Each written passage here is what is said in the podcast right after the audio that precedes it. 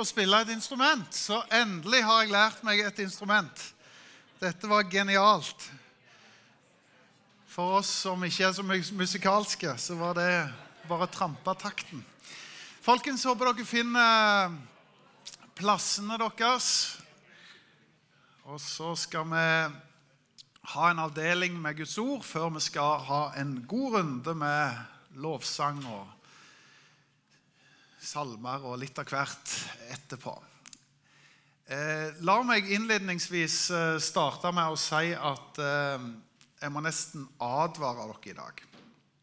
Og det er at eh, dagens forkynnelse kommer til å bli en nedtur. I forhold til at vi nå har vært på en skikkelig høyde, sunget lovsanger, og det er opptur å se alle generasjoner og flotte folk som er på besøk, så skal altså jeg komme her og snakke om klagesalmer generelt og Salme 88 spesielt. Det må jo bli en nedtur. Eh, men så er trøsten at det er Guds ord, så det går jo an å finne noe oppmuntring og noe glede i det. Men eh, som dere sikkert vet, så er det sånn at vi denne måneden går gjennom Salmenes bok, og vi gjorde en sånn intern fordeling hvem som skulle tale om hva. Og Det var meg og Anders som snakket sammen, og jeg sa til Anders at jeg kan ta meg av klagingen. jeg. Det føler jeg ligger for meg. Og Så mente han han var uenig da, og mente at nei, det, han syntes ikke jeg var en sånn utprega klager. så... Så eh, han uh, mente at det var ikke nødvendigvis riktig. Men så spurte han hva er alternativet. Jo, så sier han det er jo at jeg tar visdomssalmene. Og så sier han ja, da tror jeg det er bedre du tar klaginga.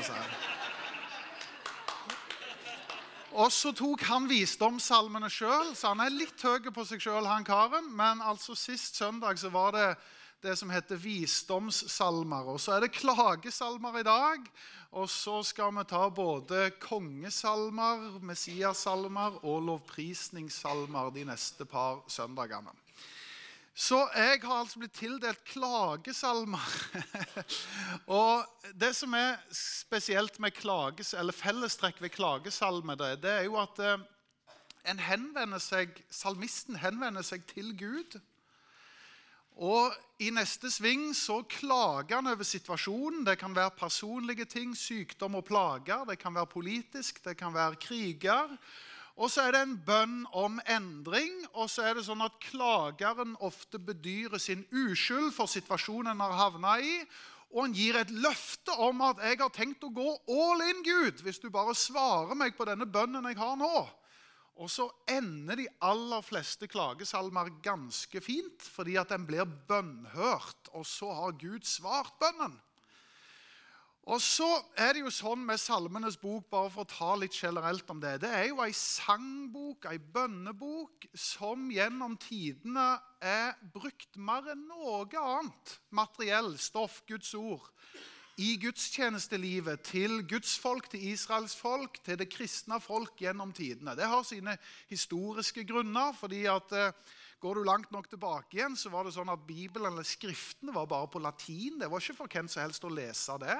Og det var dyrt å trykke opp, og det betyr at de måtte ofte gjøre et utvalg. Og da var det ofte salmene som liksom ble oversatt, og som ble trykt opp og som ble gjort tilgjengelige. Så det var det folk i stor grad forholdt seg til. Sånn at salmene er nok det som blir hyppigst sitert av alle skrifter, både i Gammeltestamentet og Nytestamentet. Og Jesus sjøl han eh, siterte ofte salmene, bl.a. når han innstifta nattverden. Så refererer han til Salmenes bok. Så salmene er en sånn bokskatt en sangskatt, en bønneskatt, som beskriver livet i sine ytterpunkter. Alt fra de mørkeste mørkeste til det høyeste høyeste. En snakker sant om livet. Og så er det ei sangbok som nærmest er til Jesus Kristus. Det betyr at det er en enorm skatt å gå gjennom denne salmenes bok. Men så er det jo litt irriterende at det er så fryktelig mange klagesalmer. Det er mest av alle i denne kategorien. En skulle tro at det var liksom mest av uh, Messias-salmer eller, eller lovprisningssalmer. Eh, og det er kanskje mer lovprisningssalmer jeg tenker meg om, men klagesalmer Det er 54 klagesalmer. Blant 150 salmer så klager de opp og ned og i det mente og stadig vekk. Men så er det jo det fine da, at det ofte liksom har den der oppbygningen at det ender greit. Men så er det to salmer som skiller seg ut. og Det er Salme 39 og Salme 88. De har ingen happy ending. Det er bare mørke natt fra start til mål. Og Det er jo derfor jeg sier jeg har advart dere. Dagens forkynnelse blir en ordentlig nedtur. For det er ingen lyspunkt i det vi skal fortelle om i dag. Og så er jo det ikke helt sant, fordi vi skal nok klare å vri det til og se at det er noe skatt inni der allikevel. Men det er altså en av disse salmene som vi nå skal ta for oss, salme 88, den er bare mørk. Så nå må vi jo lese den, da. Er vi klar for det? Vi får lese i Jesu navn, og det står en sang, en salme av korasangere til korlederen etter Mahalat Leanot, en læresalme av eh, Esrahitten Heman. Herre, du Gud som frelser meg. Jeg roper til deg dag og natt. Det er vers 1 og 2. Så hopper vi til vers 6 og det til vers 18. Jeg er forlatt blant de døde lik falne som ligger i graven. Du husker dem ikke lenger. De er støtt bort fra din hånd. Du har lagt meg i hulen der nede i det mørkeste dyp. Din harme hviler tungt på meg. Du lar dine brenninger slå over meg. Du har drevet vennene mine bort og fulgt dem med avsky for meg. Jeg er stengt inne. Jeg kommer meg ikke ut. Øyet mitt svekkes i min nød, Herre. Jeg roper til deg hver dag. Jeg rekker hendene ut mot deg. Gjør du under for de døde? Står dødninger opp og priser deg? Forteller de om din miskunn i graven, om din trofasthet i avgrunnen? Blir dine underkjent i mørket, din rettferdige glemselens land? Jeg roper til deg, Herre, hver morgen kommer, kommer min bønn fram til deg. Hvorfor støter du meg bort? Herre, Hvorfor skjuler du ditt ansikt for meg? Fra ungdommen av har jeg vært hjelpeløs, ja, døden er. Du fyller meg med redsel, rådvill. Din harme slår over meg, dine redsler gjør ende på meg. De omringer meg som vann hele dagen. Alle sammen omringer meg. I dette så sier altså salmisten Gud, du er en ubrukelig Gud. Du hører ikke etter, og egentlig så er mørket det er en bedre venn enn du er. Det er rimelig mørkt i salmisten sitt liv. Og Da stiller jo jeg spørsmålet hva i alle dager gjør sånne skrifter i Bibelen? Altså, det er i alle fall fristende å bare skumlese i beste fall. Hoppe over. Og i alle fall ikke ta det fram i forkynnelsen og tale om det. Da, der går liksom grensen. En beskriver en ubrukelig Gud. Og så har jeg prøvd å, prøve å, finne et eller annet godt ut av dette. da. Og de punktene jeg skal prøve å holde meg til før vi skal lovsynge etter hvert her med Arvid og gjengen, det er disse tre punktene. Og Det er at mørket som vi kan oppleve, det kan vare lenge. Og Det beste sted å lære om Guds nåde, det er i mørket.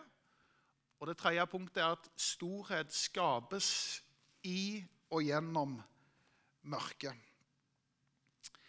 Det er tydelig, for å være på det første punktet først her, det er tydelig at vi snakker om en kristen kar eller en etterfølger av Gud. Fordi at salmen starter med å si at 'Gud, du er min frelser' og jeg roper til deg dag og natt. I overført betydning det er kristne mennesker som gjør sånt. Henvender seg til Gud stadig vekk dag og natt. Kaller Gud sin frelser. Så det er tydelig at vi har ikke med en ikke-kristen ikke kar å gjøre. Vi har med en kristen kar å gjøre. Men til tross for at han er kristen, så er det veldig mørkt, det han opplever. Og så kan det se ut som at det ikke bare er snakk om et ytre mørke men at mørket er rimelig komplett og fullstendig. Det er jo mange av oss som er i dette rommet, som sikkert kan vitne om at vi har opplevd ytre mørke i den forstand at vi møter omstendigheter som er krevende. Men så kan vi òg vitne om at midt i den uroen og kaoset vi møter, så er det en indre uro og en fred, en opplevelse av at Gud er nær. Og på en måte så er det ikke så skummelt å møte ytre mørke hvis det er indre ro, harmoni og fred. Men her kan det virke som salmisten opplever et komplett mørke. Det er fullstendig. Det er liksom ikke bare ytre omstendigheter, men òg på innsida så er det mørkt og kaotisk. Og det er jo straks mye vanskeligere å møte når mørket er komplett. Hvordan vet vi det? Jo, fordi det er så mørkt at han sier Gud er ikke nær. Gud er taus. Han svarer ikke. Han er fraværende. Og Det er jo en litt artig observasjon. da, At selv vi som er kristne, kan være på et sted der vi sier Hvor i alle verdens dager er du, Gud? Jeg opplever ikke at du svarer meg. Det føles absolutt ikke som du er nær. Det er bare komplett mørkt. Det sier altså salmisten. Og Det kan virke som at han har vært borti dette i lange tider. For han sier helt ifra ungdommen av det tar jo ingen slutt heller. Og det som på en måte er litt sånn eh, I forberedelsen så fanga jeg opp en uttalelse som jeg bare liksom tenkte den må jeg ta med. Det var den som sa det sånn at eh, hvis du sier at livet ikke er mørkt så er du ute etter å selge noe. Og Poenget hans var å si noe om at det er bare selgere som kan prøve å overbevise deg om at det ikke er noen slagside, bakside. Det er bare gull og grønne skoger.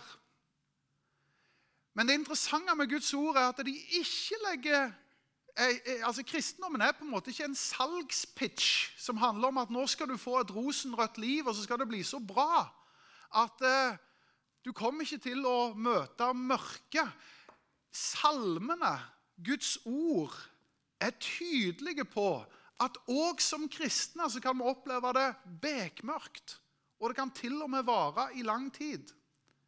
Jeg tror jo at mange av dere og oss tar dette for gitt, men jeg tror allikevel det kan ligge en sånn underforstått greie i oss noen ganger av at jo, men hvis Gud er min Gud, og han beskytter meg og forsørger meg og er min frelser, og sånt, så, så kan det ikke liksom virkelig skje noe galt. Det kan skje litt sånn uhell og litt kjipe ting, men liksom virkelig greie, det kan det ikke skje. Og da vil jeg si at Det er folk som har vært mye bedre mennesker enn deg og meg. Mye bedre kristen, om du vil, enn meg og deg, som har opplevd mye mørkere ting enn meg og deg. Jeg tenker på Jesus Kristus sjøl, han som er den originale versjonen av kristendommen. Han var jo et tvers gjennom godt menneske som hadde nærkontakt med Gud. og En skulle jo tro at da ble livet rimelig greit, og en kan bare flyte igjennom. Men hvis det var en som opplevde både eksistensiell mørke Min Gud, min Gud, hvorfor har du forlatt meg? Og omstendigheter som presser på, som var bekmørke, så var det jo Jesus sjøl. Og Så sier Jesus i Johannes kapittel 16 at i denne verden så har dere prøvelser og utfordringer. Det er noe du kan være brennsikker på, at livet kommer til å være utfordrende. Derfor så er ikke kristendommen en salgspitch om at livet ditt kommer til å bli veldig bra. Du kan få minst like mange utfordringer for det om Herren er din hyrde, og at han lar deg ligge i grønne enger, og han skal ta deg gjennom mørkets dal osv. Dette er noe av det som salmen gir oss et uttrykk og inntrykk av gjennom den salmisten herrene. Det er bekmørkt, og jeg tror at det å ikke servere falske forventninger i troen, det kan være en hjelp i livet når vi egentlig er realistiske og tar alt Guds ord med oss og sier at sånn er livet, og sånn kan livet være. Så skal det jo bli et hakk bedre, dette her. fordi at mørket Der eh, er vi jo nå på punkt Jeg lovte dere det ble en nedtur, sånn at du er jo advart, liksom. Det er ganske mørkt ennå her, men jeg tror vi skal prøve å lete litt etter Guds nåde i det mørket og si noe om det. Spørsmålet er kan vi kalle det en bønn eller kan vi kalle det en sang, det som Heman her serverer. Egentlig er det jo mer et slags kryssforhør av Gud med litt sånn sarkastisk, retorisk undertone, der han sier sånne ting som at eh, ja, Er det sånn at uh, du viser dine under for de døde? Er du tjent med Gud at jeg får leve i dette mørket? Er det ikke bedre at du egentlig hjelper meg, så jeg kan få lov å prise deg? Jeg mener, Hvis jeg bare har det kjipt og vanskelig, og hvis folk er i mørket, så er det jo ingen som kommer til å vitne om din trofasthet og godhet i døden. Grip inn, Gud! Skjerp deg! Det er Heman sitt, sitt budskap. Det er nesten som det er en blasfemisk undertone. Det er nesten så han arresterer Gud, og han sier alt dette har vart ifra ungdommen av. Spørsmålet er har det vart ifra ungdommen av. Vel, vi har bare hans ord for det. Men det som ofte skjer når vi er i mørket, og det er det mange av oss som kan vitne om, det er at vi har en tendens til å overdrive. Og så leser vi alt i livet gjennom den situasjonen vi er i, og så mister vi perspektiv. Og så liker vi å ha noen å skylde på, og da er det gjerne nærliggende å gå til Gud. Og så blir alt mørkt, og så har du aldri vært god mot meg, og så har du aldri møtt meg. Og så leser vi alt gjennom den situasjonen vi er i. Og det er en del av konsekvensen av å være i det mørke. Vel, Salme 39 er noe av det samme. Du finner at det er mørkt hele veien. Og Salmisten i Salme 39 sier 'Hold deg vekk ifra meg, Gud'. Det er, bedre at, at jeg bare får leve i dette mørket, enn at du skal plage meg. Altså Han blir helt perspektivløs. Jeg tror at noe av grunnen til at disse ordene og tekstene får plass i Guds ord, det er rett og slett fordi at Gud sier at 'jeg tåler at du blåser ut'. Jeg tåler at du sier det som det er. Gud som har designa oss, han vet hva vi tenker, hva vi føler, hva vi har lyst til å si. Og så tillater han på en måte å si du har lov til å buse ut med alt du har på innsida. Du har lov til å være frustrert og sint. Du har lov til å være mørkt. Jeg gir til og med rom for dette i mitt ord. Jeg lar hele salmer få lov å prege og, og, og uttrykke dette. Jeg tror det er nåde i det. Det er nåde i at Gud sier at for der vi ikke alltid klarer å oppføre oss så bra, vi ikke alltid klarer å uttrykke oss så kristelig, ikke alltid klarer å si de rette ordene, men bare er sanne og ærlige og ekte, så gir Gud rom for at vi får lov å være mennesker. Jeg tror det er en stor nåde i det som fins i Salme 88. Det siste punktet jeg har, det er at storhet skapes i og gjennom mørket. Eh, jeg tenker at eh, det er verdt å merke at salmisten fortsatt har Gud som adresse. Det er viktig å gå til rett klageinstans når en skal klage. Og det er ikke det dummeste adressen å gå til Gud. Og dette lærer Bibelen oss ved gjentatte anledninger. At det å virkelig kalle det for storhet som menneske, det handler om å takle og tåle og klare å gjøre de rette ting gjennom mørket. Det er en hel bok i Bibelen som heter Jobbs bok, som er interessant å se. fordi at der er det, det er jo en merkelig story der det utspiller seg at Gud går til djevelen og sier har du sett min tjener jobb? Og så begynner djevelen å stille spørsmålstegn til Gud og si ja, er han nå virkelig din tjener? Er han nå virkelig din venn, denne jobb? Djevelen påstår at den eneste grunnen til at jobb fortsatt er på Guds side og er Guds venn og Guds tjener, det er at Gud møter han og svarer hans bønner. Fordi det går så godt for jobb. Fordi du er julenissen til jobb som bare svarer på alle hans ønsker. Så er jobb din venn og din tjener. Jeg har et forslag, sier djevelen. Det er at du tar ifra han alle de godene. Se om du er Gud for jobb når livet blir kjipt for jobb. Eller bare bruke jobb deg som en sånn en ressurs for at livet skal bli greit. Og Gud tar på en måte utfordringen jobb går gjennom litt av hvert, og så ender det opp med en story. long story short, Det er at jobb han velger å gjøre det rette og det gode selv når livet er kjipt og utfordrende. Og hvor mange av oss er det ikke som tenker at ja, hvis det er sånn det skal være, Gud, ja, da vender jeg ryggen til deg. Da gidder jeg ikke ha noe med deg å gjøre. Altså, Hvis du ikke kunne hjelpe meg mer enn som så, så er det ikke verdt å satse på dette her. Og Så læres, læres storyen både fra Salme 88 og Jobbs bok. Det er at Gud er Gud uansett hva vi går igjennom. Og det, Kall det storheten i oss mennesker. Det handler om at vi fortsetter å gjøre det gode. For det om ikke livet går sånn på skinner som vi skulle ønsket. Og I det så tror jeg det skapes storhet. Så Avslutningsvis har jeg rett og slett lyst til å peke på dette at eh, Salmisten han er i et enormt mørke. Og Hans oppfatning er at det er en objektivt mørke. Det er et absolutt mørke. Det er ikke subjektivt. Det er ikke bare han som opplever det. Mørket er komplett. Det, det fins ingen lyspunkt. Og så må vi spørre oss sjøl er det sånn at salmisten hadde rett i det han skrev og sa. Vel, det interessante er at vi kan lese om denne Heman, denne salmisten, i første krønikerbok kapittel 6, og se at han ble regna som en av de store litterære begavelser som skrev bønner og sanger.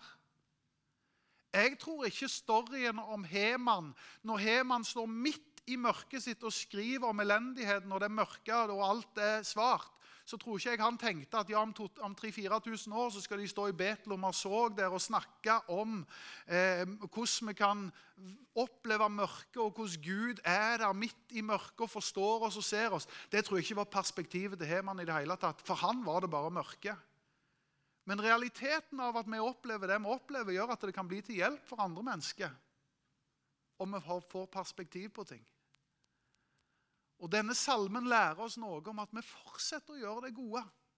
Og Hvor mange av oss er det ikke som når livet blir kjipt, ja, så endrer vi vanene og rytmene. Så dropper vi gudstjeneste. Så er det ikke så viktig med fellesskapet. Så legger vi vekk Bibelen. Så synger vi ikke salmer lenger, og så lovsanger. Og så endrer vi alt. og så liksom, Som om det blir bedre. Nei, hold fast ved å gjøre det rette og det gode, selv om livet er på det aller mørkeste.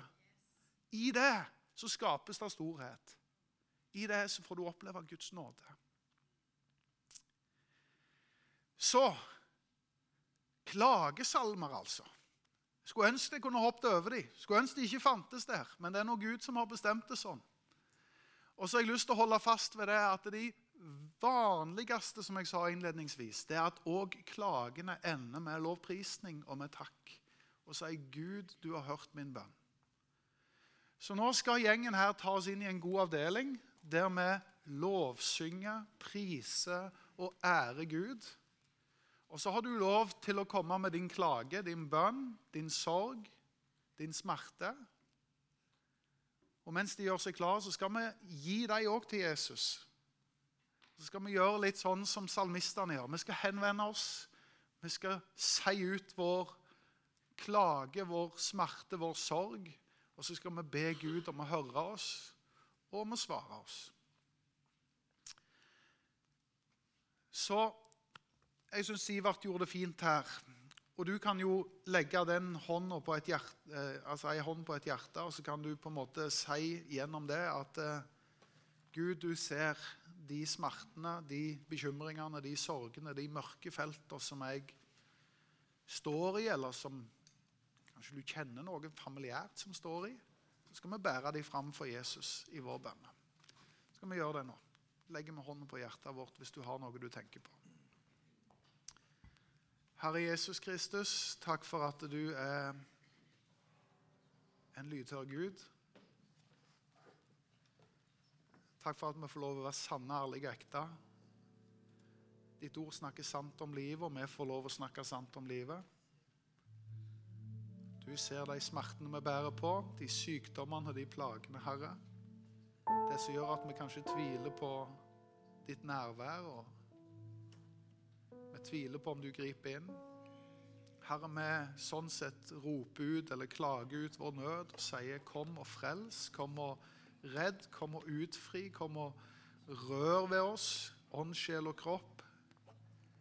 Herre, kom i vårt mørke og vær vårt lys. La det være et lys i den tunnelen vi er i, og i den situasjonen vi står i. Og Herre, jeg ber om din fred som overgår all forstand, skal bevare våre hjerter og tanker. At vi ikke skal spore av, men at vi skal få lov å holde fast ved deg midt i det som vi opplever. Så Herre, vi ber om at du hører vår bønn, og du tar imot vår lovprisning i dag òg. Så vil vi være et av dette lovsyngende folket. Vi vil lovsynge deg. Dag og natt står det jo her. Og Det er iallfall et uttrykk for at det skjer stadig vekk. Og Herre, nå har vi satt av en tid der vi skal lovprise og ære og takke deg. Og Da gjør vi det fra hjertet vårt. Og så ser du alle klagene og bønnene og bekymringene vi har. Og så løfter vi det fram for deg og bærer det fram for deg. I Jesu navn. Jeg tror ikke alltid at eh, vi klarer å uttrykke nok i ord alt som vi bærer på. og Derfor kan det være en veldig god ting at vi rett og slett løfter blikket heller. Bærer det fram for Jesus i lovsang og lovprisning. Og så kan det være et uttrykk for en måte vi gir livet vårt til Han. Så skal vi reise oss opp og så